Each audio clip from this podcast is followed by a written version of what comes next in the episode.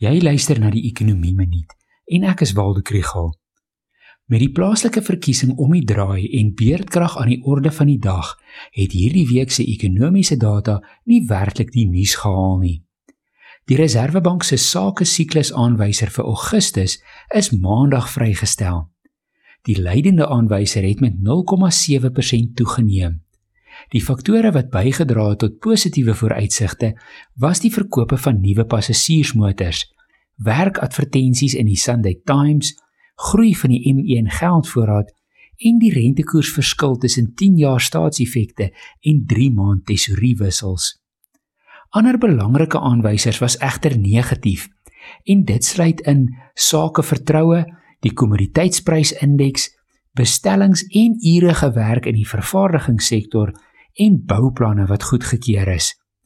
Dit is ongelukkig nie 'n prentjie van 'n ekonomie wat sterk herstel nie. Produsenteprysinflasie vir September maand is gister bekend gemaak.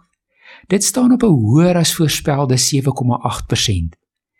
Die jaarkoers klink hoog, maar mens moet onthou dat produsenteprysinflasie baie laag was in 2020 en dit eers weer hierdie jaar begin toeneem het.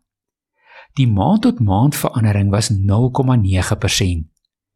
Die sektore waarin produsentepryse die skerpste gestyg het, was steenkool, petroleum, chemiese rubber en plastiekprodukte, metale, masjinerie en toerusting. Dit weerspieël die brandstof en voedselprysinflasie wat verbruikers ook beleef. Die Pietermaritzburg Economic Justice and Dignity Group se bekostigbaarheidsindeks het hierdie week aangedui dat 'n arm huishouding se maandelikse voedselmandjie kos nou ongeveer R4300. Dit is R400 meer as 'n jaar gelede en ver bo die minimumloon van R3743. Dit is duidelik dat hierdie laaste deel van die jaar vir baie mense swaar sal wees en vir talle 'n argument ten gunste van 'n basiese inkomste toelaag.